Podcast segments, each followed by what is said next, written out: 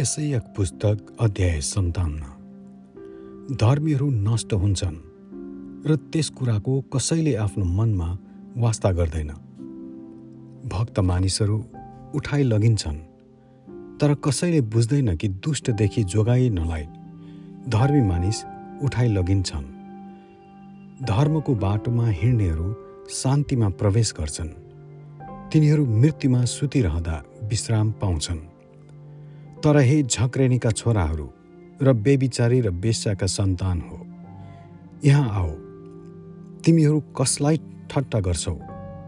तिमीहरू कसका विरुद्धमा मुख बाउँछौ जिब्रो निकाल्छौ? के तिमीहरू बाघीहरूका सन्तान होइनौ? झुटाका छोराछोरीहरू? तिमीहरू फलाटका रुखहरूका बीचमा र हरेक झ्याम्म परेका रुखमुनि काम बास्नाले उत्तेजित हुन्छौ। तिमीहरू आफ्ना छोराछोरीहरूलाई खोल्सा र चट्टानका धाँधाहरूमा बलि गर्छौ। खोल्साका चिल्ला ढुङ्गा मध्येका मूर्तिहरू तिमीहरूका भाग हुन्। तिनीहरू नै तिमीहरूका भाग भए। हो तिनीहरूकै निम्ति तिमीहरूले अर्ध बलि र अन्न बलि चढाउँदछौ। यस्ता कुराहरू जान्दा जान्दै पनि के मैले आफ्नो मन नरम गर्ने? अग्लो र उच्च डाँडामा तिमीहरूले आफ्नो ओछ्यान बनाएका छौ। त्यहाँ तिमीहरू आफ्ना बलिदान चढाउन गयौ। तिमीहरूका ढोका र चौकोसको पछाडि तिमीहरूले अन्य जातिहरूका चिन्हहरू राख्यौ। मलाई त्यागेर तिमीहरूले आफ्नो ओछ्यान उघार्यौ। तिमीहरू त्यसमा चढ्यौ र उदाङ्गै पार्यौ। तिमीहरूले तिनीहरूसित बाचा बाँध्यौ जसको ओछ्यान तिमीहरू मन पराउँछौ र तिमीहरूले तिनीहरूको नग्नता हेऱ्यौ तिमीहरू मोलक कहाँ भद्राज्यको तेल लिई खुब सुगन्धित तेल लगाएर गयौ। तिमीहरूले आफ्ना राजदूतहरूलाई टाढा टाढा पठायौ र आफूलाई चिहानसम्मै पुर्यायो तिमीहरूका सबै चालको कारण तिमीहरू थाक्यौ। तापनि तिमीहरूले यसो भनेनौ आशा छैन। तिमीहरूले नयाँ बल पायौ यसैले तिमीहरूले मूर्छा खाएनौ। तिमीहरूले कसको डर र भय मानेकाले म प्रति झुट्टा भयो र न त मेरो सम्झना गर्यो। न तिमीहरूको मनमा मेरो विचार गर्यो। के धेरै समयसम्म म मौन बसेकाले तिमीहरू मेरो डर मान्दैनौ? तिमीहरूको धार्मिकता र तिमीहरूको काममा म खुलस्त गर्नेछु र तीबाट तिमीहरूलाई केही लाभ हुने छैन। तिमीहरूले सहायताको निम्ति पुकार गर्दा तिमीहरूले बटुलेका मूर्तिहरूले तिमीहरूलाई बचाउन्। बतासले तिनीहरूलाई उडाएर लैजानेछ। एकै सासले तिनीहरू जम्मैलाई उडाएर लैजानेछ।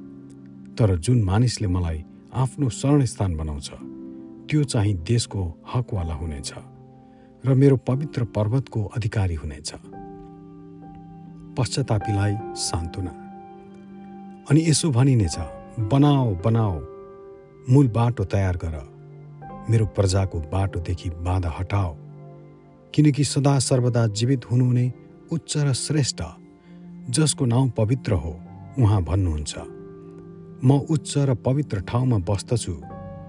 विनम्रको आत्मा जागृत गराउन र पश्चातापीको हृदय जागृत गराउन त्यससँग पनि बस्दछु।